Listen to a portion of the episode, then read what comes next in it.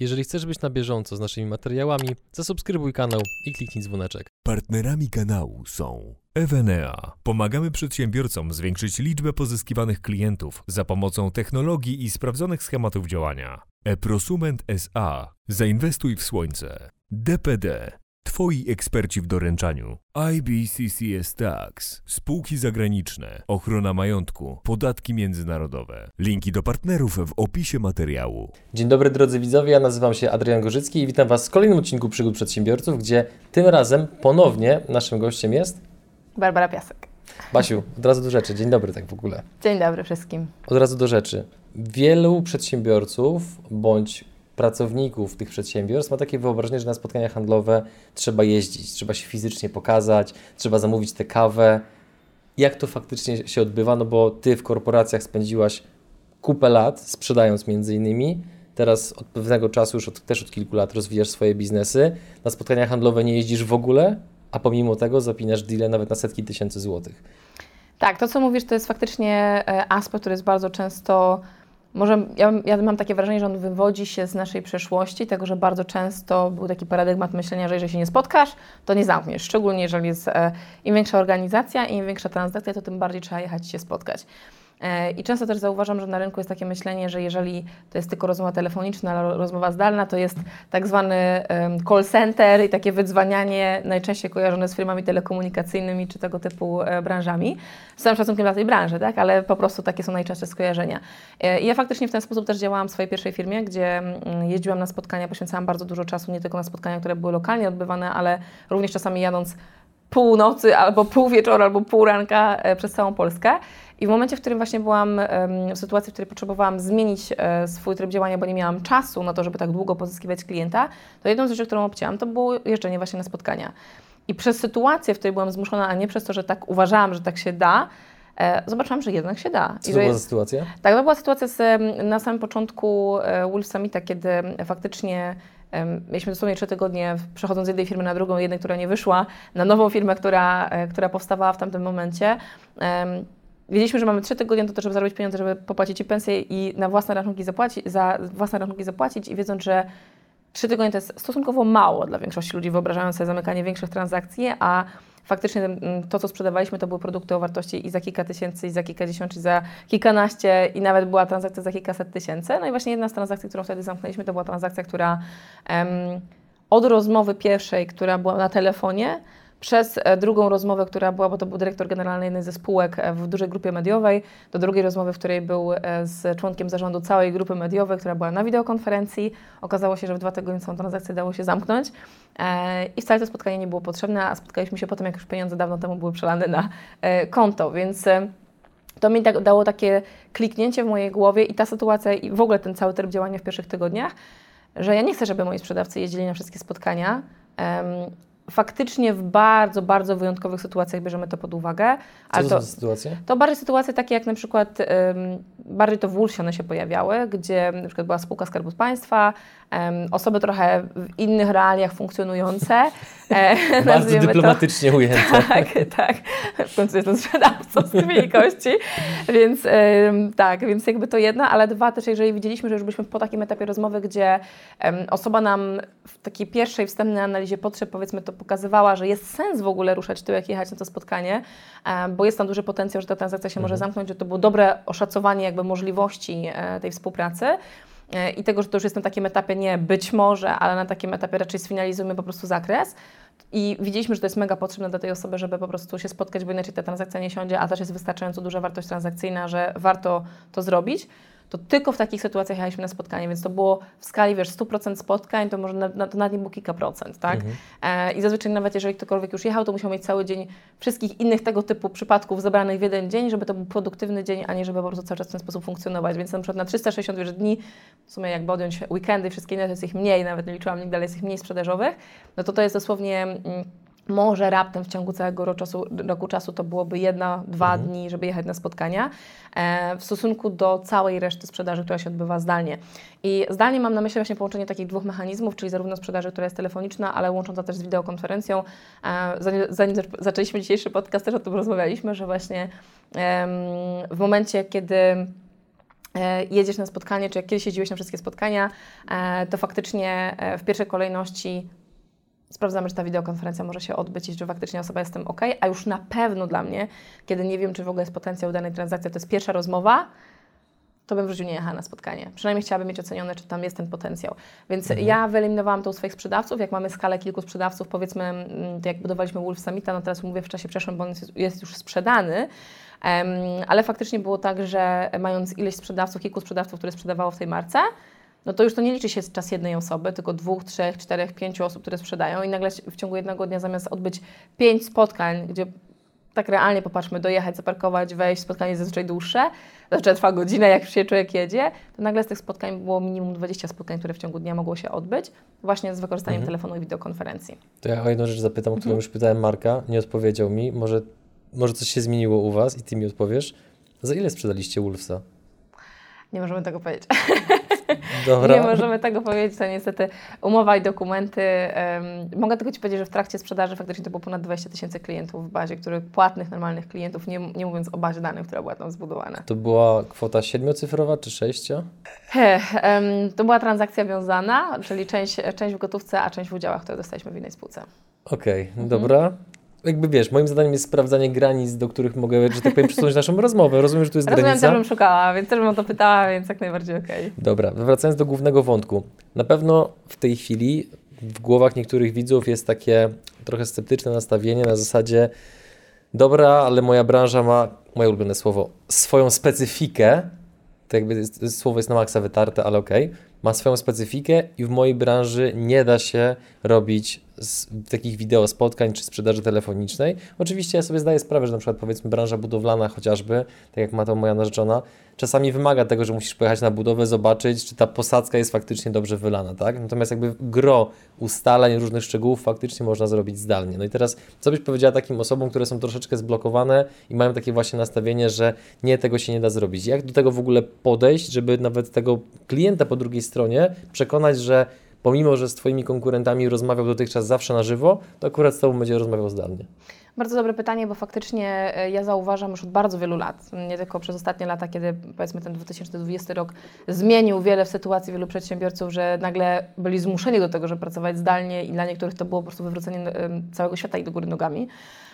Natomiast e, ja faktycznie obserwuję, że jest taki paradygmat, takie przekonanie, że e, trzeba właśnie iść na te spotkania i te przekonanie jest najczęściej naszym ogranicznikiem. Czy trzeba zacząć od tego przekonania? I czasami trzeba się trochę, że tak powiem, zboksować z własnymi myślami i po prostu to zrobić i zobaczyć, jak się da, to się nagle, nagle zaczyna się ten switch w głowie. Pokażę Ci przykład jednej z e, naszych klientek, to akurat jest dziewczyna, która prowadzi, e, mm, ona ma kilka marek, ale wszystko się kręci wokół em, i z e-sportu, e, gamingu, e, ona świadczy usługi marketingowe i usługi, tam ma magazyn, ma tam ileś kanałów, którymi po prostu świadczy rozwiązania dla swoich klientów. E, I w momencie, kiedy ona na, na nas trafiła, e, to trafiła, kiedy jeździła na wszystkie spotkania, ma zespół, ale sama jako właściciel jest zaangażowana bardzo często w procesy sprzedażowe.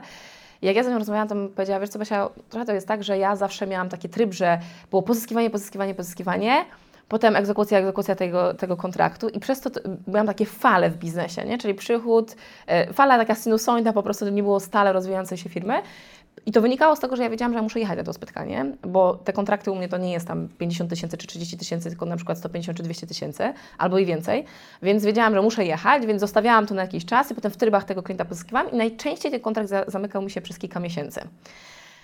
I w momencie, kiedy jej pokazałam, w jaki sposób może te rozmowy prowadzić, bo to są dwa aspekty. Po pierwsze, jak prowadzisz rozmowę i to wcale nie chodzi o to, że jak prowadzisz, bo też to się często ludziom kojarzy, to często słyszę, ale czy y, Twój sposób prowadzenia rozmów możesz za, zaadaptować na przykład w, y, czy to jest dla sprzedaży telefonicznej, czy do sprzedaży podczas spotkań? Ja mówię, zasady są te same, tak? To tylko jest mechanizm inny po prostu, ale sposób prowadzenia rozmowy, zrozumienia klienta, dojścia do potrzeby, e, przeprowadzenia klienta przez proces, w którym on sam dochodzi pewnych wniosków, zawsze jest ten sam. Ja nie mówię tutaj o call center, wydzwanianiu po prostu jak właśnie w takich em, typowych call center, tylko po prostu trzeba zro- zrozumieć, że kanał po prostu komunikacji jest inny. I kiedy I tutaj się wtrącę, wybacz, i też chyba w ogóle takie uświadomienie sobie, i co ja przede wszystkim zrozumiałem, korzystając z materiałów, do których e, mam dostęp, które Wy stworzyliście, że uświadomienie sobie tego kluczowego elementu, że nie każdy klient musi być Twoim klientem, że nie każdy się musi zgodzić. Tak. I podczas rozmowy to nie jest kwestia tego, czy Ty go przekonasz, czy nie, tylko najpierw w ogóle zbadaj, czy ten klient, on, czy w ogóle tak naprawdę go chcesz. A robiąc to telefonicznie, czy przez wideo rozmowę, oszczędzasz masę czasu, no bo możesz sprawdzić to zdalnie, niekoniecznie jadąc i dochodząc do wniosku, że ach, pojechałem trzy godziny do Warszawy, żeby się dowiedzieć, że ten klient nie jest dla mnie. Słabo. No to nie jest Tak. dobra wymiana. Tak, bardzo dobry przykład podałeś, bo e, właśnie kończąc tą, historię mm, tej, tej dziewczyny, która właśnie agencję swoją prowadzi w e-gamingu i za chwilę podam drugi przykład właśnie a propos tego, co powiedziałeś, no bo ona, e, jej pierwsza rzecz, którą musiała jej kliknąć, to to, żeby faktycznie e, umówić się na wideokonferencję. Klient chciał się spotkać i em, Pierwsza rzecz, którą klienci najczęściej mówią, a już Warszawa to kocham, wiem jak pracowałam i siedziałam w Warszawie większość swojego życia, teraz siedzę w Gdyni, to zawsze było, to spotkajmy się. To jest taki automat po prostu, który się podczas rozmów pojawia. E, I wtedy po prostu ja też swoich sprzedawców nauczyłam, żeby właśnie powiedzieć, e, mówię, jasne to e, w jakim terminie możemy się umówić na wideokonferencji, czyli zakładamy, że od razu przekł- przekładamy to na wideokonferencję. Dopiero kiedy klient mówi, a to czy nie możemy się spotkać, no to po prostu czasami możesz używać argumentu tego, że jesteś zupełnie w innej lokalizacji i na przykład my używaliśmy takiego argumentu, że wie pan co, my na co dzień jesteśmy w Gdyni, więc faktycznie gdybyśmy mieli się spotkać, to to spotkanie musiałoby się odbyć dopiero za x tygodni, więc nie ma sensu, żebyśmy przedłużali ten termin, po prostu porozmawiajmy i zobaczymy po prostu, gdzie jesteśmy, tak? Więc i wtedy się bardzo płynnie człowiek przekuwa na wideokonferencję.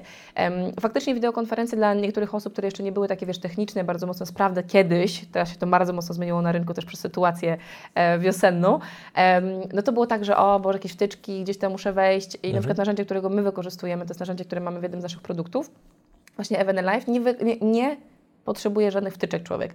Ma kli, link, klika, wchodzi, jest, nie? Ja, I- ja dlatego też się w tym zakochałem właśnie, że wysyłasz de facto link każdemu i niezależnie czy jest na telefonie, czy na komputerze, klika, jest i nie zadaje Ci pytania, ale u mnie nie działa. No, no musi działać tak naprawdę, musi. Tak, potem 15 minut po prostu, że, żeby się zalogować, to jest stracone Tak. po prostu, bo człowiek nie może się zalogować, więc to też jest ważny czynnik, tak? No i e, w momencie, kiedy właśnie e, jej kliknęło, że po prostu ona w momencie, kiedy klient jej zadaje pytanie, ma przekierować to na e, rozmowę na wideokonferencję, więc nadal jest spotkanie, nadal się widzą, tak? Nawet co jest ciekawe, że jak osoby są w różnych lokalizacjach, to może się kil- kilka osób dzwonić i każdy jest naraz, nie, nie musi być tak, że wszyscy muszą być w tym samym czasie, w tym samym Tak. miejscu, gdzie w większych organizacjach na przykład jest to bardzo ważne.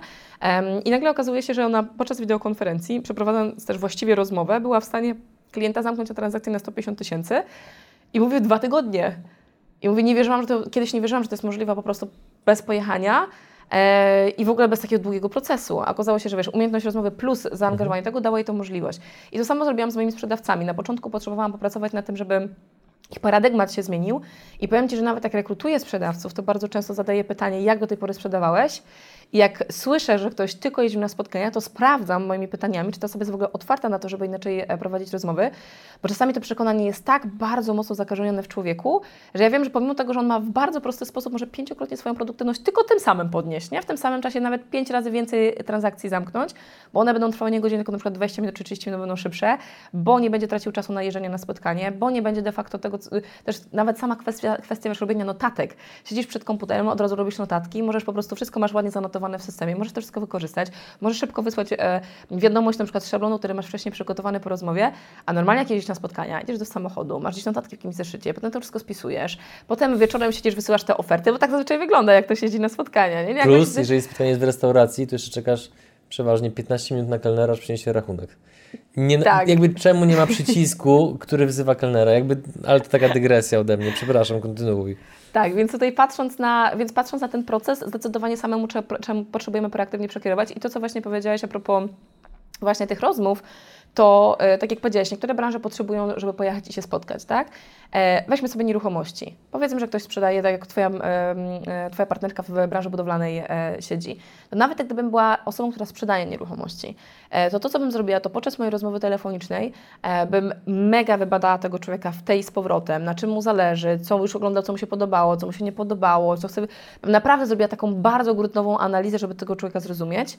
Na podstawie tej gruntownej analizy przygotowałabym z pięć propozycji, które wysyłam i które bym stricte sprawdziła, czy ja dobrze wyczułam, co ten klient chce, czy nie. Sprawdziłabym to telefonicznie z tym człowiekiem, która dlaczego się podobała, która się nie podobała. I to wszystko robiłabym zdalnie, bez jeżdżenia na 50 czy tam 15 różnych mieszkań czy domów, które mam pokazać, zanim zrozumiem, czego ten klient chce. I bym zrobiła to zdalnie, następnie wiedząc dokładnie, co lubi, czego nie lubi, co mu się podoba, co nie podoba, albo przynajmniej w tych 90 kilku procentach czując tego człowieka, bym wsadziła tego człowieka w samochód na jeden dzień, ustawiłabym pod rząd wszystkie e, mm, mieszkania czy domy, które te kryteria spełniają i bym w ciągu jednego dnia temu człowiekowi to sprzedała. I co ciekawe, spotkałam kiedyś taką osobę właśnie w branży nieruchomości, a to była jedna na tysiące osób, z którymi miałam okazję interakcji przez x swoich lat. I mówię, czemu większość ludzi tak nie robi? Przecież to jest, kurczę, taka oszczędność czasu, prawda? E, właśnie, żeby po prostu zdalnie przede wszystkim zrobić większość roboty, ale jeżeli już jedziesz i musisz pojechać, to tylko wtedy, kiedy wiesz, że ta transakcja jest powyżej tych 60-70% potencjału zamknięcia się.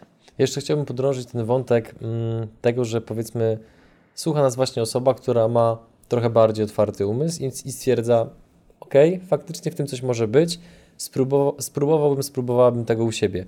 No to jeżeli ta osoba jest w branży, gdzie jest właśnie takie bardzo konserwatywne podejście, że musi być to fizyczne spotkanie, to jaki jest z Twojego doświadczenia zestaw takich argumentów, których można użyć, żeby klient powiedział, ok, dobra, to zróbmy wideokonferencję, ponieważ wyjaśnienie, że jesteśmy w innej lokalizacji... Nie dla każdego to działa. Ja, tak, mhm. ja to rozumiem, no, natomiast jakby no, jeżeli to nie jest prawda, to ktoś może czuć się niekomfortowo, kiedy rozmawia z klientem, powiedzmy z Wrocławia, samemu będąc we Wrocławiu i nagle musi mu ściemiać, no wie Pan co, bo ja w Rzeszowie jestem, nie? No, to, to, no nie, nie, nie chodzi o Więc jakie są tak. właśnie inne, mhm. alternatywne, powiedzmy takie drogi przekonania klienta? Tak, wiesz co, można być bardzo szczerym po prostu w tej rozmowie i powiedzieć, e, wie Pan co, no jakby my mamy taką zasadę, w ogóle mhm. jest tak zwana e, rama. To jest, e, są różne ramy w sprzedaży, tak? Jest rama moralna, której się używa. Na przykład ja bardzo często mówię też o, o tak zwanych ustaleniach z góry, które się prowadzi w trakcie rozmowy, żeby angażować klienta. I tak samo właśnie jest rama E, co do zasad, czy tak zwanych policies, tak? czyli zasad, w których po prostu firma funkcjonuje, z którymi się nie polemizuje. E, I one trochę tak jakby zamykają furtkę polemizacji i wtedy jakby u mnie też pracownik może powiedzieć, wie Pan co, my mamy taką zasadę, że nie jedziemy na spotkania ze względu na to, że mamy na przykład dużą liczbę klientów, którzy są zainteresowani naszymi rozwiązaniami e, i dlatego też chcemy jakby pomóc jak największej liczbie firm w tym i w tym, czyli tutaj język korzyści powinien wejść. I ze względu na to po prostu, jeżeli już w ogóle mielibyśmy zainwestować czas w jakiekolwiek spotkanie, to wtedy, kiedy wiemy, że ta transakcja po prostu już jest na finiszu, i wtedy możemy na takie spotkanie pojechać, jeżeli ktoś bierze to pod uwagę. Jeśli nie, to w ogóle tego nie musi mówić. Mhm. E, dlatego też po prostu polityka, i tu można użyć, użyć słowa nasza polityka, nawet nie zasada, tylko nasza polityka jest taka, że po prostu umawiamy rozmowy na wideokonferencjach, które dalej dają nam możliwość poznania się, zobaczenia, ale z drugiej strony pozwalają naszej firmie być dużo bardziej dochodową i obsługiwać dużo większą ilość klientów, która potrzebuje naszych rozwiązań. Mhm. I to jest jakby taka... Bardzo teraz, przekonywujące. Jak Ty to słyszysz, no to gdzie tu masz jakby obszar na polemizację, tak? Mhm. A jeżeli ktoś faktycznie y, jest taką osobą, gdzie ma bardzo wysokie ego, gdzie uważa, no ale jak to nie przyjdziesz na spotkanie ze mną? Że jestem taki ważny, tak? E, bo mhm. niektóre osoby tak mają. I, e, no i w takiej sytuacji wtedy to jest też taki sygnał, no dosyć bardzo ważny takiej zasady w sprzedaży, co zresztą wcześniej wspomniałeś, że nie każdy musi być Twoim klientem. I ja powiem Ci, że nauczyłam się hard way, czyli jakby taki, musiałam dostać raz obuchem przy współpracy z jednym klientem, gdzie stwierdziłam, że ja nie chcę mieć takich klientów, którzy są od samego początku bardzo roszczeniowi, bardzo pretensjonalni, trudni. bardzo trudni. I nie dlatego, że są wymagający, bo ja rozumiem, że ktoś może być wymagający, ale gdzie w tej relacji biznesowej nie ma podejścia partnerskiego i szacunku nawzajem, tylko jest podejście na zasadzie ty mi tu służysz, ja jestem pan, tak? Czyli teraz mówię to w cudzysłowie, tak? Mhm. Więc jeżeli ktoś ma z góry takie podejścia, już szczególnie jeżeli działasz w branży, gdzie są usługi, czy gdzie masz dużo interakcji z klientem, a nie ktoś kupuje automatycznie produkt i nie ma z tą tej interakcji, no to pytanie, czy chcesz y, się wkurzać, jak przychodzisz do pracy, bo z taką osobą musisz pracować, tak. czy świadomie selekcjonujesz klientów, ponieważ y, wtedy masz dużo więcej chęci do pracy, y, pracownicy są dużo bardziej zadowoleni też, bo pracują z klientami, którzy doceniają mhm. tę pracę, która jest wymagana i to nie, to nie znaczy, że nie ma nikt prawa dać feedbacku czy informacji zwrotnej, że coś jest nie tak, tak, oczywiście, że ma, tylko że z takim no, wymaganym szacunkiem do siebie nawzajem, prawda? Mhm. E, na przykład tak, jest taka dosyć e, fajna firma, akurat ja różne case'y sobie zawsze studia przypadków sobie firm biorę, jest firma w Stanach, która świadczy usługi marketingowe. E, oni mają taką bardzo swoją wąską specjalizację, obsługują duże korporacje. I oni uznali tą zasadę jako swoje właśnie swoje prawo, według którego funkcjonują. Bo i ludziom by się wydawało, że ponieważ ktoś będzie mówił, sorry, ale nie, to widzę, że nie tymi, i u nich jest ważna komunikacja. Jak na rozmowie sprzedażowej widzą, że komunikacja klienta jest właśnie taka, która jest e, bardzo roszczeniowa, ale to na dzień dobry, to oni jakby z góry temu człowiekowi mówią, nieważne jak drogi byłby kontrakt, że po prostu nie spełnia zasad, e, według których, jakby kryteriów, pod kątem których kwalifikują klienta, czy oni z nim będą pracować. I co się e, okazuje, że potrafią odmówić nawet gigantycznej korporacji, nie jednej, którą znamy, nawet tutaj u nas, które są na całym świecie, I co jest najciekawsze, to to nie jest tak, że oni mają mniej klientów. Oni mają więcej klientów niż niejedna ich konkurencja, dlatego że są selektywni, dlatego że robią dobrze swoją robotę, ale dlatego też, że po prostu oni stawiają zasady i kwalifikują klienta e, do tego, z którym chcą pracować, a z którym nie chcą pracować.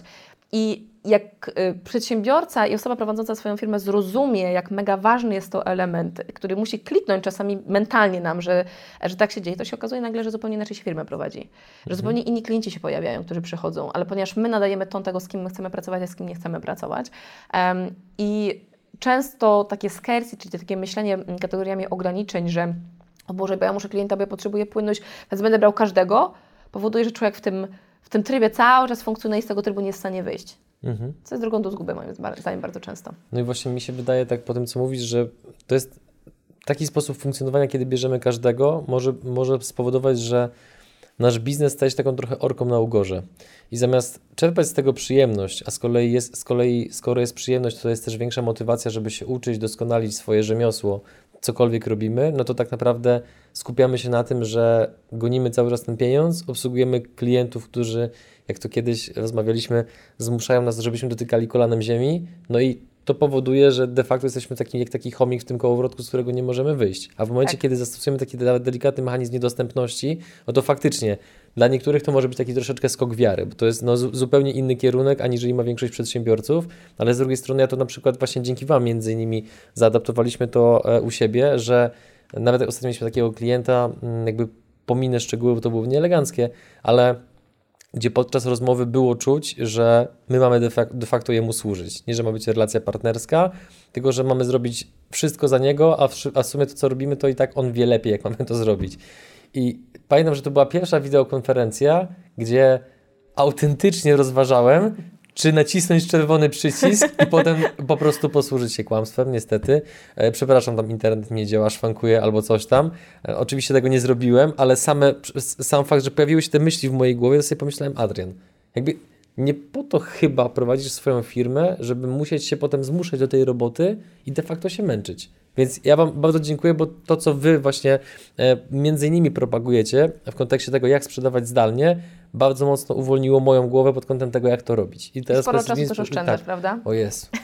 Tak, bo Tak, ale powiem Ci, że wiesz, to, to też, jest, też jest mega ciekawe pod kątem tego, mm, jak całe, bo teraz na przykład bardzo często dostaję takie pytania właśnie od e, przedsiębiorców po e, wiośnie 2020, e, bo musieli się przestawić na tryby zdalne i zadają mi pytanie właśnie, no dobra, ale to jak Ty robisz to teraz ze sprzedawcami, bo zazwyczaj wiesz, jak sprzedaż jest na miejscu, masz ludzi, widzisz, co się dzieje, bo jedna rzecz, e, co nam, co nam daje tego typu sposób myślenia i działania, my na przykład w trakcie, kiedy mm, to wszystko się pojawiło. My dużo wcześniej, zanim był lockdown, wysłaliśmy wszystkich pracowników na zdalne, łącznie ze sprzedawcami. I u nas się nic nie zmieniło, po prostu tylko osoby są w innych miejscach, które, w których siedziały, jeżeli chodzi o pracę. Nie było żadnego wahnięcia. Wręcz nawet produktywność osób podniosła się, bo pracując na przykład zdalnie, to oni byli w stanie, wiesz, e, czas, który normalnie na dojazdy poświęcali w jedną i w drugą stronę, na przykład zainwestować w jakieś przygotowanie się, czy zrobienie czegoś jeszcze na, tak naprawdę, jeżeli chodzi o pracę. Mniej czasu sp- spędzają na przygotowywaniu posiłków, do których gdzieś tam trzeba iść do kuchni, odgryźć, tak, bo wszystko jest, wiesz, w domu pod ręką. Nagle się okazało, że nawet jeszcze wz- wzrosła produktywność tych osób. I często do mnie takie trafia pytanie, no dobra Basia, no to te wideokonferencje, jak jeżeli już je prowadzimy, czy prowadzimy takie zdalne rozmowy, które są właśnie na przykład e, mm, telefoniczne, czyli u nas zazwyczaj to są mechanizmy łączone, tak? Jeżeli jest większa wartość transakcyjna, to często to idzie właśnie do wideokonferencji, a najczęściej de facto sama rozmowa telefoniczna nawet wystarcza, nie? I co się okazało? Okazało się, że y, nawet mając zespół, który jest nauczony tego typu pracy, to on jest w stanie pracować z domu, on jest w stanie pracować e, z każdego miejsca, gdzie jest. On daje też dużo większą elastyczność de facto takim e, osobom, które nawet sprzedają i też pozwala e, Tobie dosyć dobrze ułożyć taki proces. no bo każdy przedsiębiorca chce mieć pewnego rodzaju kontrolę. Jedni mniej, drudzy bardziej. Ja naturalnie kiedyś byłam dużo bardziej kontrolująca.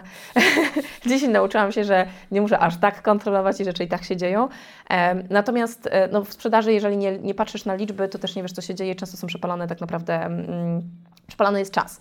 Ja na przykład nauczyłam się e, tego, że jak na przykład u mnie taki sprzedawca pracuje i z domu, i pracuje zdalnie, i, i, i robi wideokonferencje, i pracuje telefonicznie, dokładnie robię ten sam tryb, który robiłam w biurze, czyli mamy tak naprawdę raportowanie, które pozwala nam zobaczyć, ile czasu y, osoba poświęcała na co i nie chodzi mi, ile minut na czym spędziła, ale my, my tak, tak naprawdę trakujemy, czyli śledzimy zadania na poziomie etapów sprzedażowych. Czyli na przykład, jeżeli wiem, że ktoś na przykład prowadzi wideokonferencję, to ona często będzie troszeczkę dłuższa niż na przykład rozmowa telefoniczna i to już jest jakiś tam meeting, tak?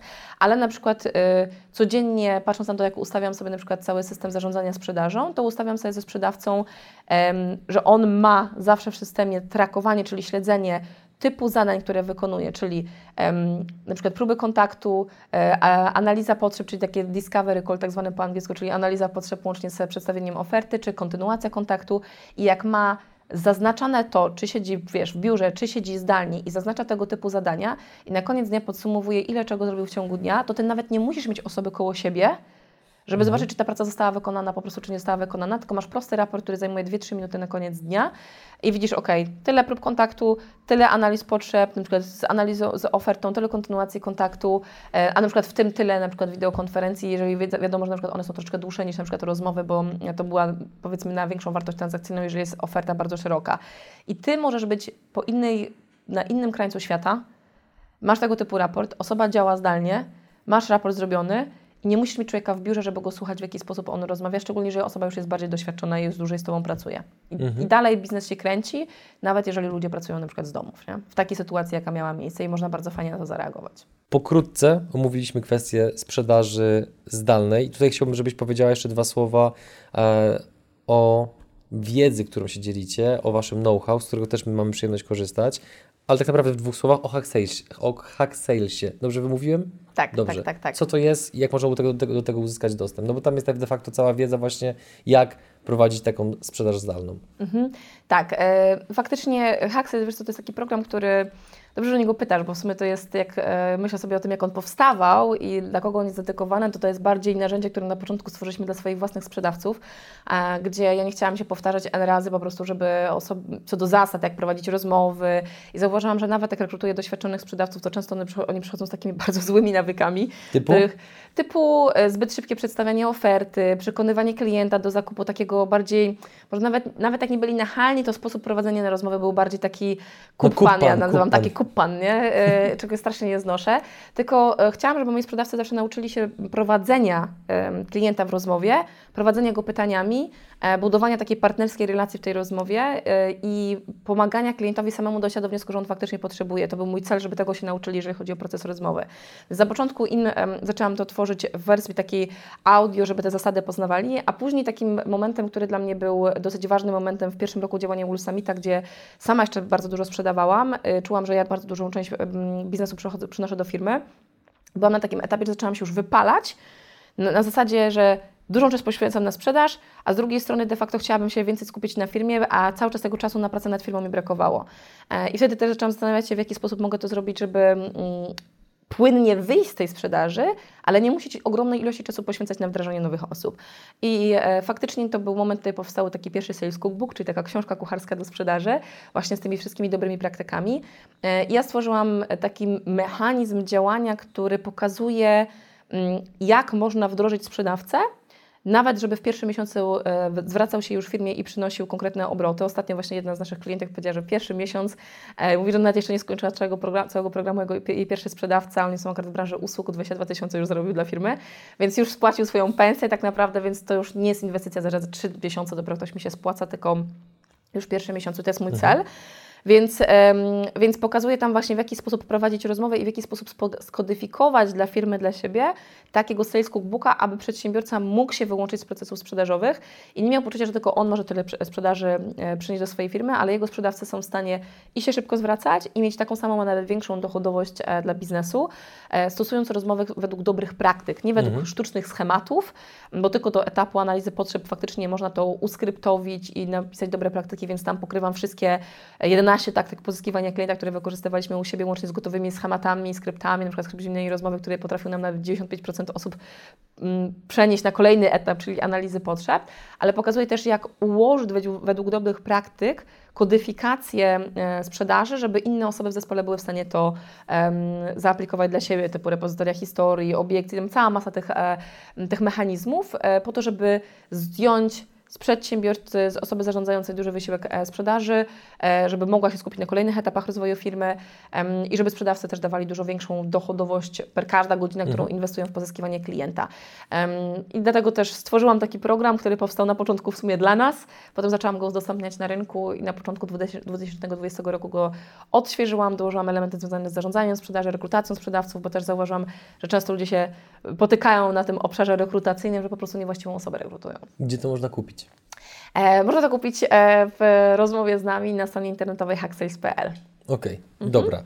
I teraz tutaj płynnie przechodzimy do drugiego elementu naszej rozmowy, a mianowicie do webinarów. Zrobię mhm. tylko takie krótkie wprowadzenie, że mam wrażenie, my, my, my, przede wszystkim się specjalizujemy, e, jak prawdopodobnie nasi widzowie wiedzą, w YouTubie.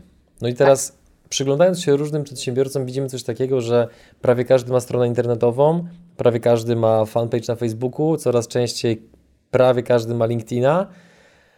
Mniej niż 5% przedsiębiorców myślę, że ma swój kanał YouTube dla swojego biznesu i myślę, że jeszcze mniej aktywnie wykorzystuje webinary, które no, biorąc pod uwagę również, jak to ładnie ujęłaś, wiosenną sytuację, e, wchodzą w pewien sposób, wydaje mi się, szturmem do Polski i między innymi Wy również, po pierwsze, bardzo mocno z tego korzystacie i też bardzo mocno to propagujecie oraz co ważniejsze, dajecie ku temu narzędzia.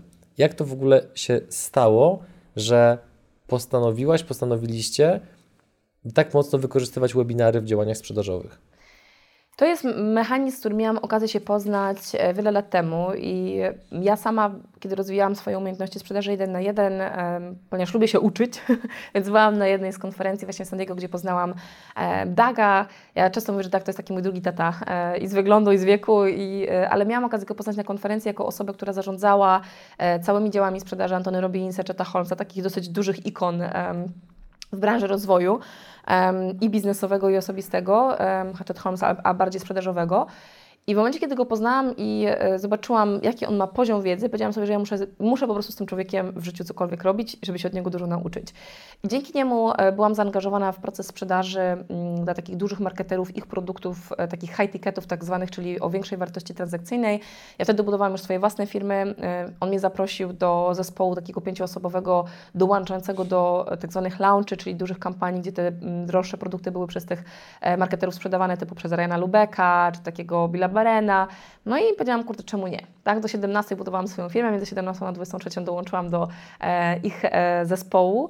Mimo, że miałam tam dużo takiej narracji, jak to nasza głowa lubi, czy mój angielski będzie wystarczający, że trzeba dawać na Stany, do native'ów i tak dalej. No ale powiedziałam, dobra, cokolwiek by on nie gadał, trzeba działać. Więc zaczęłam z nim działać i wtedy zobaczyłam po raz pierwszy, jak fenomenalnie mają ułożony ten proces sprzedażowy w branży bardziej takiej marketingowej. Ale mówię, kurde, przecież ten proces z wykorzystaniem webinarów zarąbiście można wykorzystać również w innych branżach, czego ludzie nie wykorzystują.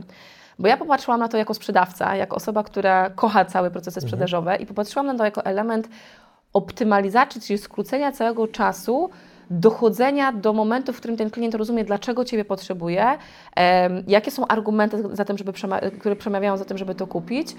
Jak również kolejny aspekt, który jest dla mnie fenomenalny z punktu widzenia takiego procesu, to jest to, że często ludzie, którzy od nas nie kupują, to są ludzie, którzy nie rozumieją, że to, co my mamy, jest dla nich. A taki webinar to nie jest etap, na którym ktoś robi, wiesz, prezentację produktu, jak się kiedyś odkurzacze sprzedawało, czy tego typu produkty w takiej sprzedaży bezpośredniej, że ktoś przychodził Ci robił demo produktu, co totalnie nie o to chodzi z tym webinarem. Tylko webinar jest tak naprawdę procesem, w którym ktoś ma możliwość zrozumieć, dlaczego i po co w ogóle potrzebuje tego, co Ty masz, gdzie nie zaczynasz z nim komunikacji od etapu produktu. Podam Ci przykład.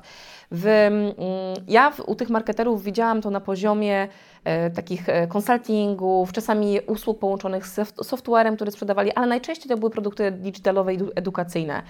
Ja popatrzyłam, no dobra, produkt e, digitalowy, edukacyjny. Oni patrzą na to z tej perspektywy, że czegoś uczą, więc łatwo im jest zrobić webinar, w którym sieją swoją wiedzę, a następnie sprzedają ten produkt, ale większość firm nie kuma tego, że to jest ten sam mechanizm, który wykonujemy w sprzedaży jeden na jeden.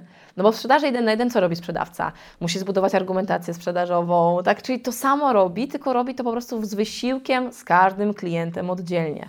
Więc ja na to popatrzyłam, e, jak mogę ten sam mechanizm odwrócić w różnych branżach. I wzięłam na przykład branżę, weźmy sobie branżę medyczną. Branża medyczna, bardzo specyficzna nisza.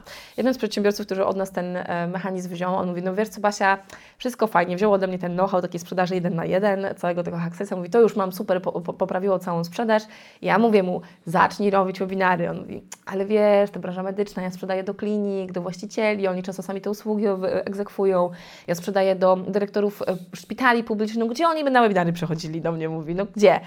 Ja mówię, nie wiesz, dopóki nie sprawdzisz. Ja mówię, ci ludzie, docierasz do nich z rozwiązaniem software'owym, które daje możliwość podniesienia im wyników ich e, w pozyskaniu klientów na usługi, które sprzedajesz w tej niszy, w tej branży. No i e, de facto swoją komunikację sprzedażową też adresujesz e, w oparciu o jakiś problem, który im rozwiązujesz, prawda? Więc zamiast tego i jeździł na wszystkie spotkania, a propos tego, co wcześniej rozmawialiśmy, na wszystkie spotkania przez pół Polski, wiesz, po prostu jazda, nie? I e, mówię, przetestuj. Zrobię webinar i mówię, nie, nie, nie, układaj tego webinaru, po co ma ktoś technologię angażować, żeby zrobić X, Y. W ogóle nic o tej technologii nie mów. Na tym etapie to, co zrób, to pokaż, e, zrób tytuł takiego wydarzenia, w jaki sposób ktoś może zwiększyć na przykład liczbę klientów um, zwiększyć sprzedaż czy zwiększyć dochody w szpitalu czy w klinice e, z tymi zasobami, które już, po, po, które już ma, czyli bez mhm. angażowania dodatkowych zasobów czy dodatkowych budżetów. I podczas tego webinaru pokaż im, w jaki sposób, e, po pierwsze, gdzie oni tracą pieniądze, dlaczego je tracą, bo Twoje narzędzie realnie to rozwiązuje, gdzie tracą, dlaczego e, tracą, co muszą zrobić, żeby je odzyskać, w jaki sposób mogą to zmienić. Pokaż de facto, zasiej Dlaczego powinni rozważyć również technologię? Co ta technologia im da? Daj case'y, czyli daj studia przypadków i na samym końcu zaproś tych ludzi na rozmowę, bo u niego akurat faktycznie ta rozmowa to nie powinna być automatyczna sprzedaż, tylko mm, zaproszenie na rozmowę, bo on ma pięć różnych opcji, tam trzy różne opcje. W tych opcjach jest ileś dodatkowych opcji, które może sprzedać i na różnym poziomie inwestycji klienta. I pokaż podczas tego webinaru, co jest możliwe we współpracy z tą na sam koniec, ale zaproś ich na rozmowę i na rozmowie już domknij transakcję. I co się okazało? On z tym swoim całym sceptycyzmem e, wziął to w swoje ręce i w ciągu pierwszego miesiąca czasu z 20 takich lekko ciepłych, nazwijmy, lidów, które generowali wcześniej tradycyjną reklamą, która generowała ruch na ich stronę, gdzie od razu strzelali w tego człowieka produktem, po prostu co temu człowiekowi chcą dać. Zamiast tego powiedziałam nie strona www, tylko strona lądowania, na której zapraszasz tą osobę na rozwiązanie problemu, który ma, Człowiek nie ma pojęcia, co ty sprzedajesz na tym etapie. Powiedz ludziom, co to jest strona lądowania. Tym, strona lądowania to jest taka strona, tak. Dobrze, że to pytasz, bo to nie jest jasne dla wszystkich. E, strona lądowania to jest taka strona, na której jest tylko jedna akcja do wykonania, na której nie mamy wszystkich informacji o sobie, tylko strony lądowania mają różne cele. Tak? Może być strona na pobranie kontaktu, tym pobraniem kontaktu może być zapis na webinar, może być pobranie jakiegoś raportu, na przykład w C-Blogger, mhm. czyli w usługach marketingowych, to co zrobiliśmy, to zrobiliśmy raport um, dla, e, raport z um, influencerami, czy taki ranking, który był pobierany i w ten sposób pobieraliśmy kontakt. I tym samym jest na przykład zapis na webinar, czyli jeden cel to jest pobranie kontaktu, innym celem strony lądowania może być na przykład sprzedaż produktu czy wypełnienie formularza kontaktowego, ale najważniejsze jest to, że my w jednym miejscu chcemy od tego człowieka tylko jedną rzecz i tylko o jednej rzeczy my mówimy, o jednej akcji do wykonania. I my wtedy go po prostu jakby, te strony są tak jakąś sekwencją występującą po sobie, dzięki czemu trzymamy tego człowieka za rękę i my przez tą ścieżkę go prowadzimy. A na stronach www najczęściej to jest tak, że wpuszczamy tego człowieka w tą stronę, nawet z reklamy. Taki on, supermarket Taki supermarket, nie? Wybieraj sobie, szukaj, on może wejdzie tu, może w tą zakładkę, może zacznie Cię czytać, zapomni, wyjdzie i w ogóle nie wróci. I przez to gubisz większość ludzi, które nawet mogłoby skorzystać z Twojej propozycji, nie mówiąc o tym, że gubisz tych wszystkich, którzy nie są jeszcze gotowi na zakup produktu, bo jeszcze nie rozumieją, że potrzebują tego, co Ty masz. Nie? Mhm. Więc y, przez to tak, tak, tak naprawdę, jak popatrzymy na efekty reklam, to najczęściej one są na poziomie 1-3% i decyd, czy mhm. to kupno produktu, czy wypełnienia formularzu.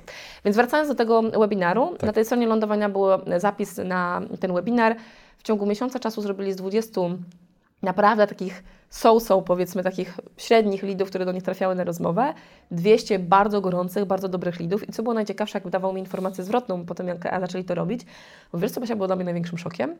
Że ja na te rozmowy miałem nie menedżerów, czy tam asystentki, czy tam ludzi, którzy byli gdzieś tam niżej w strukturze organizacyjnej tych e, klinik czy szpitali, tylko dyrektorów, właścicieli.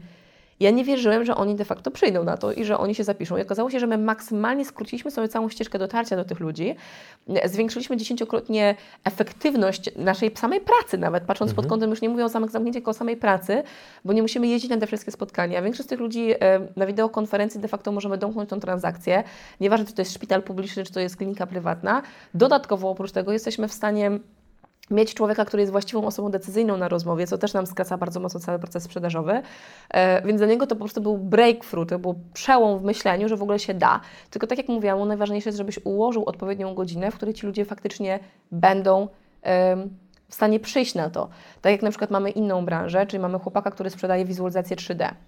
Bardzo fajna firma, e, wizualizacja 3D dla branży budowlanej. Kolejna, mhm. wiesz, też już mówiliśmy o budowlance, tak, bliska tak. w Twojej rodzinie um, i u Twoich bliskich. I teraz on to, co zrobił, to on normalnie docierał głównie na zimno. No i u niego wartości transakcyjne to jest, wiesz, od kilkunastu do tam kilkudziesięciu tysięcy, wszystko w zależności od tego, czy to jest duży deweloper, mniejszy, ile tych wizualizacji jest. I czy wizualizacje, tak na logikę, czy wizualizacje pomagają sprzedać um, no, mieszkanie na rynku pierwotnym? No wiadomo, że pomagają, no, prawda? Pojmuczami. Tak, niby, niby to się oddaje, nam się to wydaje oczywiste, to wcale nie jest oczywiste dla każdego. Mhm. E, okazuje się, że wiele osób uważa, że a nie potrzebuję tego i tak sprzedam więcej. Potem wydają więcej na tą reklamę tak naprawdę, żeby do tego klienta dotrzeć. No co on zrobił? On i też mówił, no tak, no moi, moi klienci, czyli ta budowlanka, siedzi na, w terenie przecież większość czasu, no to gdzie oni będą oglądali webinary? Nie, to też pierwszy, to jest pierwszy, wiesz, sposób myślenia, który mamy. No i to, co on zrobił bardzo mądrze, to dopasował, żeby one nie były rano, bo wie, że, czyli zadał sobie pytanie, jak wygląda rytm dnia tego mojego człowieka. Wiedział, że potrzebuje dopasować nie, że w ciągu tam do 12 czy tam do 13, tylko popołudniami wieczorami robi dla nich.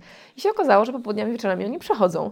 I w ciągu miesiąca czasu o 37% zwiększył obroty swojej firmy, co jest najciekawsze w czasie, kiedy gospodarka się znowu zatrzymała, bo to było na wiosnę i powiedział, kurczę, nie mogę jeździć, nie mogę się spotykać. Ciach. Mhm. E, ruszył po prostu z tymi webinarami i pokazuje, i ja mu powiedziałam, mówi, absolutnie nie strzelaj w tych ludzi od razu wizualizacją, wizualizacją 3D, tylko do nich, co Ty robisz? Czyli zawsze zadaj sobie pytanie, co ja realnie, jaki problem ja rozwiązuję, czy jaką potrzebę realnie ludziom spełniam i komunikuj do nich, komunikując o wydarzeniu, czy komunikując na tych stronach lądowania z poziomu problemu, czy efektu, który im dajesz, a nie z poziomu mechanizmu, który im to daje, tak? Bo to jest mhm. najczęstszy mhm. błąd nawet w rozmowach sprzedażowych, które ludzie popełniają. Gadają o cechach, gadają o produkcji, a nie gadają o efekcie, czy tym, czego klient faktycznie potrzebuje. No i jak się okazało, że zaczął, um, bardzo fajnie ułożył ten tytuł właśnie pod um, tą swoją branżę budowlaną. Oni przyszli i okazało się, że pojawiają się na rozmowie i na rozmowie domyka transakcję, no bo na te większe transakcje najlepiej jest po prostu generować ruch na zapis na rozmowę i też nie traci się ogromnej ilości czasu na y, spędzanie z każdym klientem od nowa na tej rozmowie telefonicznej, budowanie tego samego, więc dla mnie to, co jest fenomenalne przy takiej właśnie sprzedaży zdalnej, to jest kolejny mechanizm właśnie wykorzystania narzędzi do prowadzenia takich wideokonferencji, do webinarów, bo to jest to samo narzędzie. Mhm. My u siebie działamy na swoim właśnie na FNA Live to po prostu y, wrzucamy tę osobę na spotkanie, na której jest x setek ludzi, tak? Czy nawet więcej niż setki, bo są osoby, które potrafią też na więcej e, osób prowadzić, na przykład w branży, wszystko zależy od branży, jakby jest masa ludzi typu klienty indywidualne, to możesz mieć tysiąc, dwa czy trzy tysiące ludzi na, taki, na, tym, na takim webinarze. I e, jak masz tani produkt, sprzedajesz automatycznie. Masz drogi produkt, zapraszasz tych ludzi na rozmowę telefoniczną i na rozmowę telefonicznej ta rozmowa często będzie 4-5-krotnie krótsza. Szybsza, przyjemniejsza i nawet średni sprzedawca dużo więcej transakcji domknie. To A Ty dalej masz relację z klientem, co jest ciekawe, nie? To ja tutaj dodam od siebie taką ważną funkcjonalność Waszego produktu, która mi bardzo pasuje i też wiem, że wiele osób jest za to wdzięcznych, bo e, spotkałem się, nie wiem czy się z tym zgodzisz, ale spotkałem się z taką obiekcją u niektórych ludzi, z którymi rozmawiałem o webinarach, że co w sytuacji, jeżeli ktoś im zrobi tak zwany raid w komentarzach, że oni tam się przygotowali, występują, prawdopodobnie się lekko stresują, bo to wszystko się dzieje na żywo, oni to być może robią po raz pierwszy, natomiast jakaś złośliwa konkurencja wypatrzyła właśnie ten webinar, zapisała się z jakiegoś fałszywego adresu mailowego, no i w pewnym momencie odpalają bazukę i nagle w komentarzu robi się, jak to by powiedziała młodzież, gówno burza. U Was te komentarze mogą być moderowane, czyli jest ktoś, kto może te komentarze zatwierdzać, bądź no po prostu usuwać, jeżeli ktoś stosuje niestosowne słownictwo. Zgadza się? Tak, to bardziej bym porównała może nie do samych narzędzi do webinarów, mhm. e, bo w narzędziach do webinarów zazwyczaj to jest taka funkcja, która faktycznie e, ma miejsce. Natomiast do live'ów takich, które normalnie ludziom na mediach społecznościowych robią, nie? No bo na przykład jak tak. ktoś robi na... E, I to jest w ogóle, powiem Ci, bardzo ważna rzecz, którą poruszyłeś, bo często w mm, branży, gdzie ludzie już rozumieją, że trzeba budować, mm, edukować w jakiś sposób, bo to jest nawet to nie jest edukacja, ale jakby pokazywanie siebie, narracja, którą się tworzy na początku, zanim osoba jest klientem płatnym. I w momencie, w którym osoby robią to bez zapisania się na y, webinar, czyli bez zostawiania dla siebie kontaktu, tylko jest to otwarte, no to swawola, robisz co chcesz, tak jak mówisz, masz ten ride, nie, po prostu. I zawsze się pojawi jakiś po prostu troll, ja to nazywam trolle, ludzie, którzy po prostu nie mają nic lepszego do zrobienia w swoim życiu, tylko trollować, no i po prostu muszą tam albo na przykład osoby, które są konkurencją i złośliwie nawet takie rzeczy robią, a w momencie, kiedy masz zamknięty pokój, gdzie osoby faktycznie potrzebują przyjść, to yy, zapisać się, no to jest moderacja. I w moderacji to, co jest istotne, bo ważne jest, żeby zawsze taki moderator był, to jeżeli już nawet się trafi jakiś taki e, człowiek, który przychodzi specjalnie, żeby powciskać po prostu kilka guziczków, to po prostu to nie jest puszczane, bo jeżeli to jest puszczane, to po pierwsze to rozbija e, osoby, które są na wydarzeniu, za które tak. zapłaciłeś, tak. żeby przyszły na to wydarzenie, bo to jest ruch, który wpuściłeś w to wydarzenie. Po drugie, e, masz też tak naprawdę aspekt takiego doświadczenia, które pozostali uczestnicy mają na dużo lepszym poziomie, a nie, że czytają jakieś obraźliwe wulgarne, wulgaryzmy, tylko po prostu mają przyjemne doświadczenie, bo też inter są interaktywni na żywo w tym komentarzu mhm. de facto e, razem z Tobą i też macie bardzo fajną interakcję ze sobą, tak, bo możesz te osoby bardzo mocno angażować. Um, więc zdecydowanie moderacja to jest jakby podstawa właśnie, żeby ją włączać i wręcz nawet to, co często tłumaczę osobom w niektórych branżach, które już rozumieją, że te webinary są naprawdę bardzo ważne i bardzo mocne.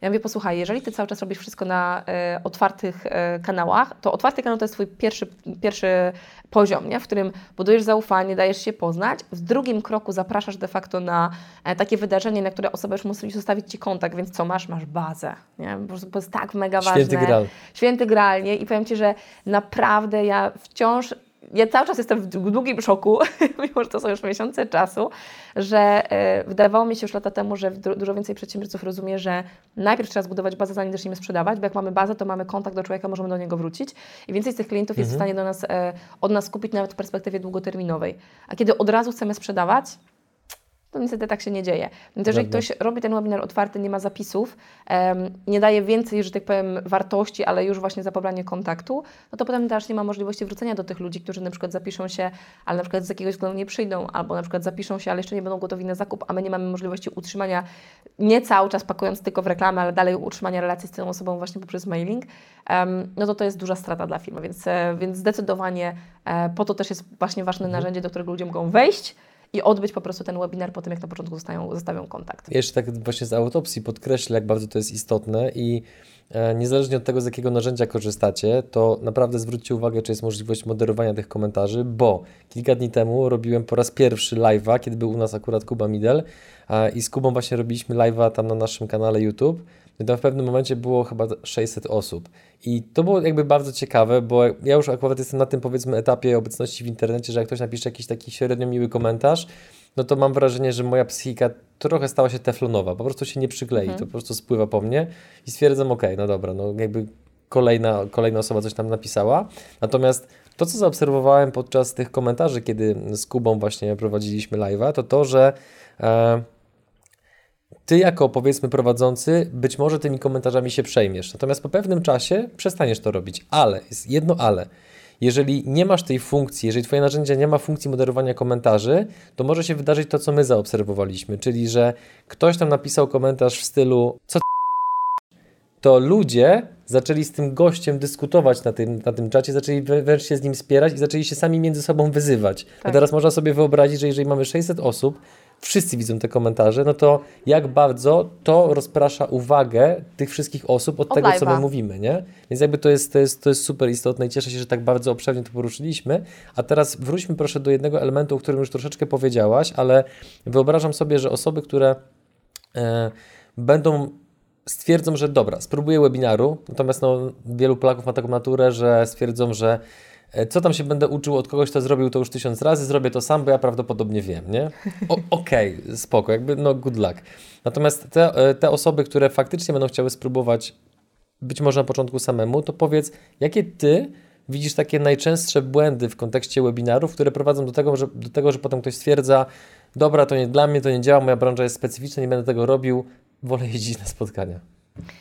Wiesz co, powiem Ci, pokażę Ci to w porównaniu do jednej z, mm, z takich dziewczyn, która właśnie skorzystała z naszego know-how i zresztą tego powiedzieli, że niektórzy mówią, dobra, zrobię to po swojemu, bo też obserwuję, że czasami osoby patrzą, co ja robię, mówią, a, już wszystko kumam, zaaplikuję to samo u siebie, e, bez zrozumienia jakby, co jest w tych korzeniach, mhm. e, bo tam naprawdę każdy jeden slajd jest po coś, tam nie ma e, wymyślania, czy tam może z 5% tylko tak naprawdę jest pewnego, pewnej mechaniki, tam jest odpowiedni format, który po prostu działa. I e, Kasia, która zajmuje się usługami, ona e, robi psychodietetykę, właśnie w branży dietetycznej e, działa. Mhm. I ona w momencie, kiedy do nas trafiła, była osobą, która już prowadziła webinary e, i próbowała właśnie tak modelować różne mechanizmy. Mówi, kurde, robię to, robię, wiem, że to jest ważne. I kurczę, nie idzie, nie? I, I wtedy ja powiedziałam, dobra, pokaż mi swoją preskę. No i zobaczyłam na jej prezentację, mówię, zadałam jej kilka pytań jeszcze, jak ona ją prowadzi. Ja już wiedziałam, gdzie jest spis pogrzebany. Mianowicie y, często ludzie mają taki mechanizm, że wyrzucają ogromną ilość informacji z siebie, zarzucają tego człowieka danymi, ale totalnie nie kumają tego, po co ten webinar faktycznie jest. Bo rolą webinaru nie jest przykrycie człowieka wiedzą, tylko rolą webinaru. Nalot jest, dywanowy. Tak, y, i po prostu ten człowiek, o Boże, to teraz to, to, to, to jeszcze mam robić. Tylko, tylko jest zasianie Twojego produktu. Czyli y, z jednej strony zasianie, ale z drugiej strony też pokonanie najczęstszych obiekcji. Skoro każdy by sobie realnie analizował, a większość nawet nie analizuje tych liczb, ale jakby przeanalizował swoje liczby sprzedażowe, nawet w takiej sprzedaży 1 na 1, to między 60 a 90% transakcji, których się nie odbywa, pomimo tego, że klient realnie powinien skorzystać z naszego produktu i faktycznie on jest jemu potrzebny, e, czy z naszej oferty, technologii, czy mhm. To większość nie kupuje dlatego, że ma ale. I to ale jest na wielu poziomach, bo to ale może być na poziomie, i weźmy sobie tę psychodietetykę, bo to jest dobry przykład.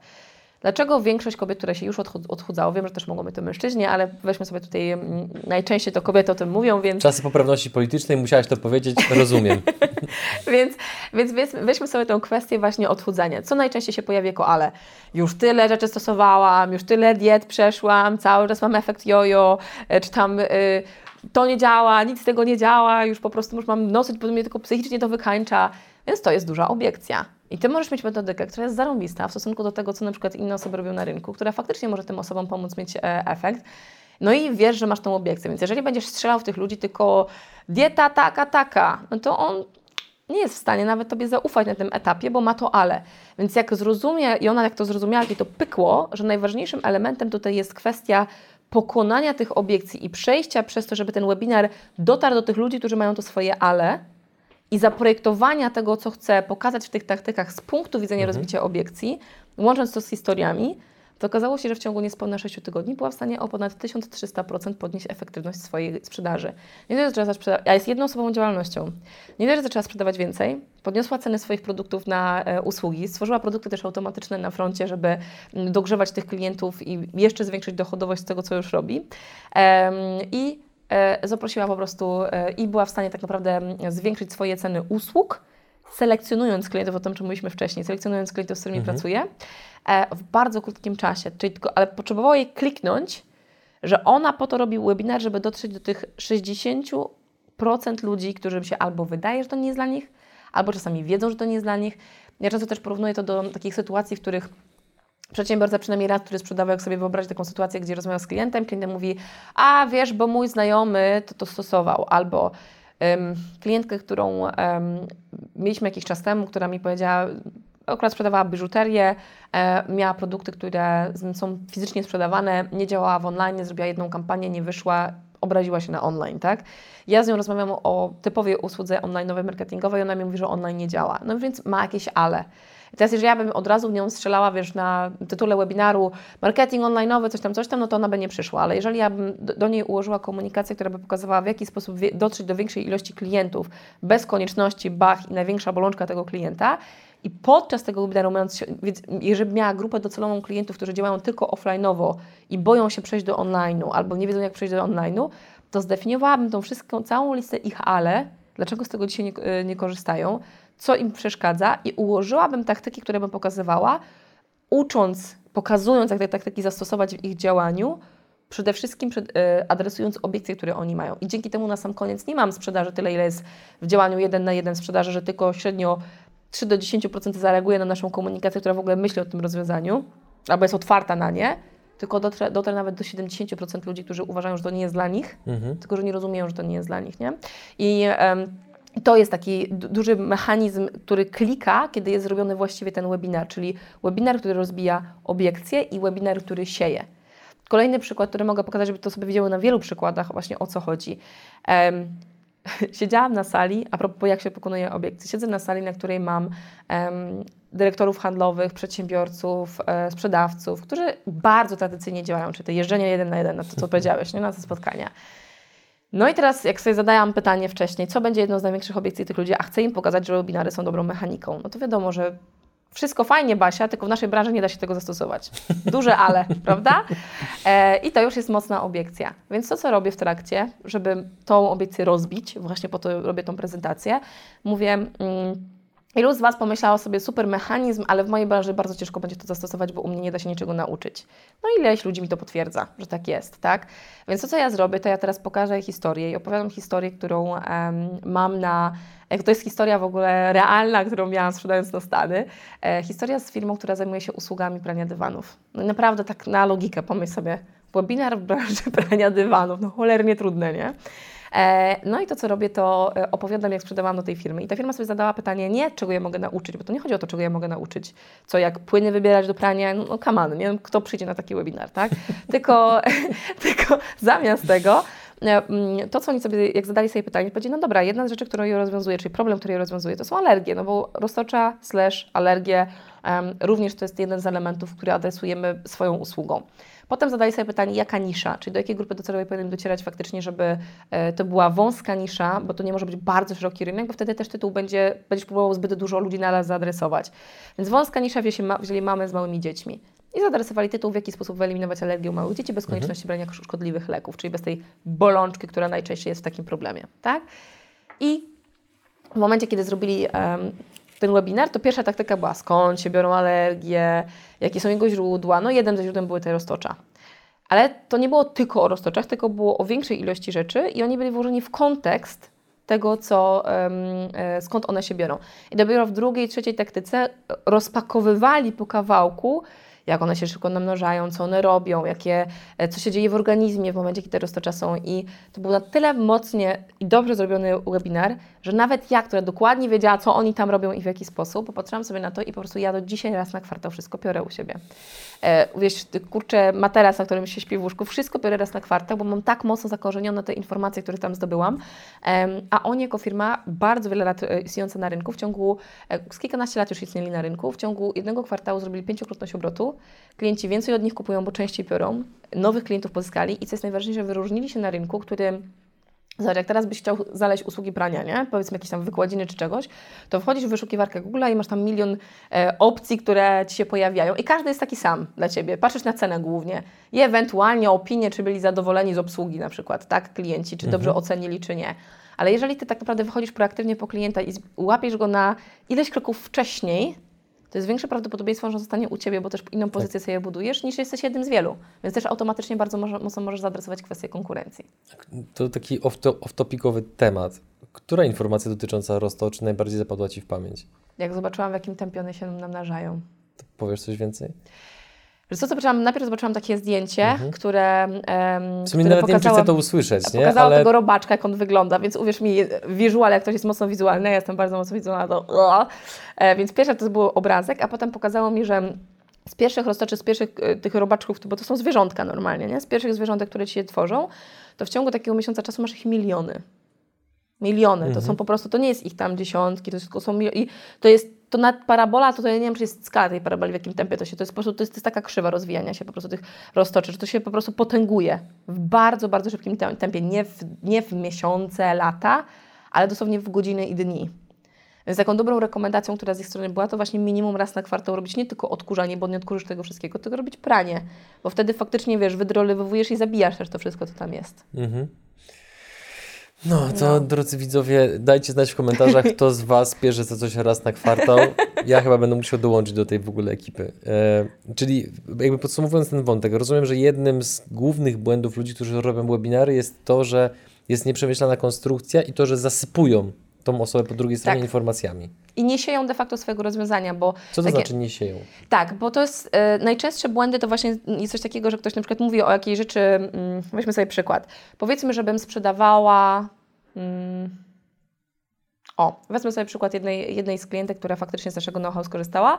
E, ona pomaga klientom tak tak wybrać mieszkanie, które kupują i takie zaprojektować, żeby z jednego mieszkania zrobić dwa i jeszcze mieć spłaconą swoją ratę kredytową. Bardzo ciekawy model nie? tego, co mhm. robi i, on, i ona y, jest, zajmuje się designem, więc ona wyposaża te mieszkania, sprzedaje też swoje usługi designerskie jako architekt.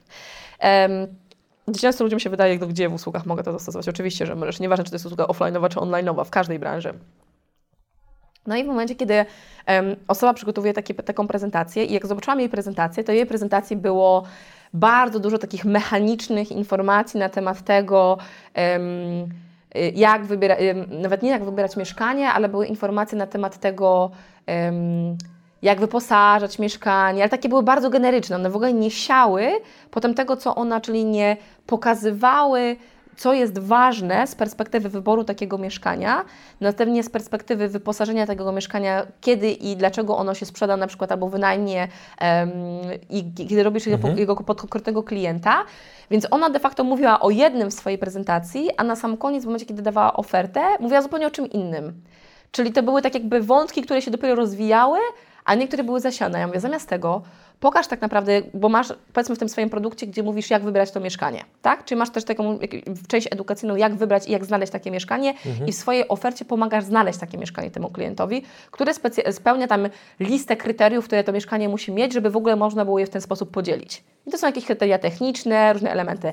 To mówię, to powiedz o jednym z tych kryteriów na jednym ze slajdów, powiedz, że takich kryteriów jest dziewięć, ty rozwijasz jedno z tych kryteriów od A do Z, podczas jednej taktyki, gdzie już uczysz i dajesz realną wartość temu mhm. klientowi, mhm. ale mówisz, no to, i to jest jeden z dziewięciu, z dzie, to jest jeden z dziewięciu elementów, które potrzebujesz sprawdzić. Więc co się pojawia w głowie człowieka, który to słucha? Co z pozostałymi ośmioma? No dokładnie, nie? Co jest z pozostałymi ośmiami. Więc ty w momencie, kiedy dochodzisz do swojej oferty i mówisz, jest tam w tej ofercie, dowiesz się, jakie jest dziewięć mechanizmów, które pozwolą ci znaleźć, wiesz, ty, gdzie, mhm. to mówisz to, o co wcześniej zasiałeś, to pączkuje, tak jak trawa, którą siejesz, która sobie rośnie. Tak samo potrzebujesz zasiać te rzeczy w trakcie prezentacji, żeby one wypączkowały w momencie, kiedy dochodzisz do oferty, która pokazuje dokładnie to, co zasiałeś wcześniej, ale równocześnie dając wartość. To nim przejdziemy do konkursu, Basiu, to dwa pytania. Pierwsze, e, kiedy mówiłaś o takich standardowych reklamach płatnych, że kierujemy ruch na stronę, to, to potem powoduje, że konwersja jest powiedzmy na poziomie, tak jak wspomniałaś, między 1 a 3%.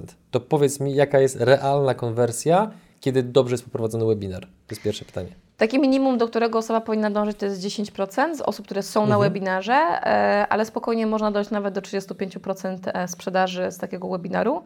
E, przy dobrze wyszlifowanym, dobrym zrozumieniu, jakie są obiekcje naszego klienta i dobrym dopasowaniu taktyk, bo de facto taka osoba powinna nie tak, jej raz zrobiłem koniec, ale wyciąga wnioski, patrzy, co się pojawiło na komentarzach i cały czas szlifuje tą prezentację. Więc to jest pierwsza ta faza, to jest szlifowanie tego, mhm. żeby non-stop podnosić um, wyniki i idealnie trafiać w to, jaka jest narracja w głowie tych klientów, bo jednak Ty ich nie słyszysz, tak? Więc potrzebujesz um, umieć wychwycić wszystkie elementy, które tam się mogą pojawić, żeby tą konwersję zwiększyć. Mhm.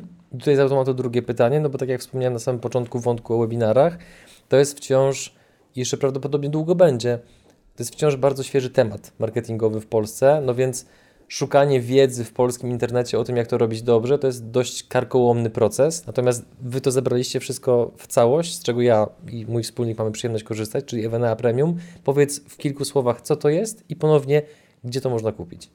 Tak, Ewenea Premium to, mm, to jest narzędzie, które łączy ze sobą takie trzy elementy, czyli taki program know-how, gotowe szablony, e, i gotowe narzędzia, które są do tego potrzebne. Bo my zauważyliśmy sami bardzo wiele lat temu, jak to robiliśmy, że i nauczenie się tego, i narzędzia, i te strony, to wszystko połączenie ze sobą to jest to jest ileś elementów, które są trzeba połączyć, a chcieliśmy, żeby nawet mikroprzedsiębiorca był w stanie to u siebie zaadaptować. E, dlatego też e, w Wynej Premium dajemy cały gotowy szablon takiej prezentacji, krok po kroku, to, co, co na niej trzeba zrobić i nawet osoby, powiem Ci, którym się wydawało, że, e, bo mamy takich klientów, którzy mówią, no Basia, na początku wydawało mi się, że to takie tele zakupy mango. Miałam, mam takich klientów, i którzy stwierdzili, że to takie dziwne, że to takie nie do końca wiedzą, albo próbowali, albo robili webinary, ale w ogóle nie mieli z nich sprzedaży. Nie z nich sprzedaży po prostu, bo dajesz tylko info i czekasz, aż ludzie przyjdą, nie? No bo nie, ma, nie wykorzystajesz formatu, który działa. Na przykład taką dosyć ciekawą osobą właśnie jest Radek Drzewiecki, który e, Marcelin Paszyn jak u siebie to zaadaptował, a był, mówi, że nawet powiedział mi szczerze, że nawet Cię kiedyś hejtowałem. zaadaptował to u siebie w ciągu, wiesz, miesiąca czasu um, zrobił niecały milion, a na drugim webinarze ponad 130 tysięcy obrotu, nie? No właśnie dlatego, że wziął gotowy format. Oni wcześniej mhm. robili wydarzenia online'owe, ale które nie wykorzystywały po prostu formatu, który sprzedaje, um, czym też się właśnie z nami podzielił. Więc zostajecie tam gotowy format, gotowy szablon, omówiony każdy jeden slajd, gotowe nasze szablony stron lądowania, które pokazują właśnie krok po kroku, w jaki sposób zarejestrować klienta i nie trzeba też wydawać na programistę, spędzać czasu na współpracę z programistą, tylko dostaje się po prostu gotowy szablon, w który wkładasz swoje treści, grafiki, domenę i działa i nie musisz płacić od 1000 do 3000 zł programiście za stronę lądowania, która nawet nie wiesz, czy będzie konwertować, czy nie, bo to są nasze strony lądowania, z których my sami korzystamy. Więc dostajesz gotowe strony lądowania, gotowe narzędzia do strony lądowania, gotowe narzędzia do poprowadzenia webinarów, um, czy właśnie WNL Live, jak również um, cały know-how i łącznie z ewenementem follow-up, czyli z systemem do automatyzacji komunikacji mailowej i gotowymi szablonami maili, dzięki którym jesteśmy w stanie e, taki klient jest w stanie zmodelować to dla swojej marki, ilość ich, co w nich powinno się znajdować, jak mhm. powinny być poustawiane, w, jakiej w jakim odstępie czasowym, żeby faktycznie automatyzacja też przynosiła tą sprzedaż. E, więc Evena tak naprawdę Avena um, Premium nie jest tylko do webinarów, bo to jest jeden ze schematów postępowania w procesie pozyskiwania klienta. Tam mamy dużo więcej schematów pozyskiwania klientów mhm. właśnie z automatyzacją mailingową i stron lądowania, które po prostu naszym zdaniem są najpiękniejszą rzeczą, którą możemy mieć, jeżeli chodzi o, o pozyskiwanie klienta. I te wątki rozwiniemy w kolejnych odcinkach, a teraz proszę powiedzieć, tak. gdzie to można kupić. Poniżej pod tym wideo możecie kliknąć w link, ja chętnie się nim podzielę, gdzie można e, zobaczyć w jaki sposób skorzystać właśnie z EWNA Premium, więc pod naszym wideo znajduje się link do zapisu. Dobrze, i teraz zgodnie z tradycją, która wróciła na prośbę wielu naszych widzów, konkurs. Dwa elementy. Pierwszy, jakie jest pytanie konkursowe i drugie, co będzie nagrodą. Ponieważ niedawno wypuściłam książkę e, swoją Jak pozyskiwać klientów, e, to chciałabym de facto, e, a tam opowiadam o dużo szerszych e, aspektach pozyskiwania klientów i różnych taktykach, które wykorzystujemy właśnie w procesie pozyskiwania e, klienta i dużego i na większe wartości transakcyjne i na mniejsze. Dlatego chciałabym zrobić, e, zadać Wam pytanie, jakie Wy dzisiaj już taktyki wykorzystujecie do pozyskiwania klientów? Jakbyście mogli w komentarzu napisać, co robicie, żeby pozyskiwać klientów, jakie kanały do tego wykorzystujecie, co Wam się najlepiej najlepiej sprawdza. E, ja wybiorę najciekawsze odpowiedzi e, z tych, które znajdują się, e, znajdą się pod tym naszym wideo, tak abyśmy faktycznie mogła również z Wami podzielić się moją książką, więc dla trzech osób, które dadzą najciekawsze odpowiedzi tego, jak pozyskujecie dzisiaj klientów, być może też historycznie, jak pozyskiwaliście klientów, to trzy najciekawsze odpowiedzi dostaną od nas również książkę, jak pozyskiwać klientów. No i pięknie. Oczywiście ja tylko tutaj dopowiem, Odpowiedzi na konkurs proszę wpisywać pod filmem na YouTubie. Nie na maila, nie na fanpage'u, nie w wiadomości prywatnej, tylko i wyłącznie w komentarzach pod filmem na YouTubie. A Ty mi proszę Basiu powiedz jeszcze, gdzie można Was znaleźć, albo czy w ogóle można się z Tobą skontaktować za pomocą mediów społecznościowych, bo wiem, że to nie jest wbrew pozorom takie proste. E, jestem aktywna na mediach społecznościowych, jak najbardziej. E, kiedyś w jednym kanale, teraz już od tego roku na wszystkich kanałach, więc e, i mamy podcast Dochodowa Firma i jestem bardzo aktywna na Instagramie jako Barbara Piasek i na YouTubie też zaczęłam swój kanał właśnie jako Basia Piasek. Gdzie Miód na moje serce. Tak, gdzie zaczęłam też się dzielić um, dobrymi praktykami nie tylko dotyczącymi, biznesu czy sprzedaży, ale też e, produktywności, na punkcie której mam dużego, dosyć dużego hopsla. Um, I też jestem i na LinkedInie jako Barbara Piasek, i na Facebooku jako Barbara Piasek, więc w tych wszystkich kanałach spokojnie można mnie znaleźć jesteśmy tam mocno aktywni. No i pięknie. Jeszcze od siebie dodam, drodzy widzowie, że jeżeli interesuje Was dołączenie do grup zrzeszającej tysiące przedsiębiorców, to zarówno zapraszam Was do grupy Basi oraz do grupy naszej. Linki do tych grup znajdują się w opisie filmu. A oprócz tego, jeżeli chcecie być na bieżąco z naszymi odcinkami, to zapiszcie się proszę na nasz newsletter, do którego odpowiedni link również znajduje się w opisie filmu. A jeżeli zapaliła Wam się żarówka i chcielibyście jakkolwiek współpracować z nami w obszarze oczywiście YouTube, bo tylko ten obszar nas interesuje, to piszcie na kontakt małpa przygody przedsiębiorców.pl, a my tymczasem się żegnamy. To ja jeszcze jedną rzecz powiem, która jest dosyć istotna, jak mogę na sam Pro, koniec. Jesteś naszym gościem, e, proszę. Jeżeli chodzi o YouTube'a, e, jak dla mnie jesteście bardzo, bardzo, bardzo dobrym benchmarkiem właśnie tego, w jaki Dziękujemy. sposób rozwijać e, kanał. Tym bardziej, że większość kanałów YouTube'owych faktycznie to są kanały dla takich konsumentów, a Wy bardzo dobrze zbudowaliście kanał, który dociera do przedsiębiorców, więc Staramy zdecydowanie się. polecałabym wszystkim przedsiębiorcom mocno obserwować i zobaczyć, w jaki sposób mogą się od Was nauczyć. Bardzo dziękuję za miłe słowa. Biorę je do skarbca próżności i będę prawdopodobnie do nich wracał przez wiele tygodni. Dzięki, Dzięki serdeczne. Basiu. Do zobaczenia w kolejnym odcinku. Cześć.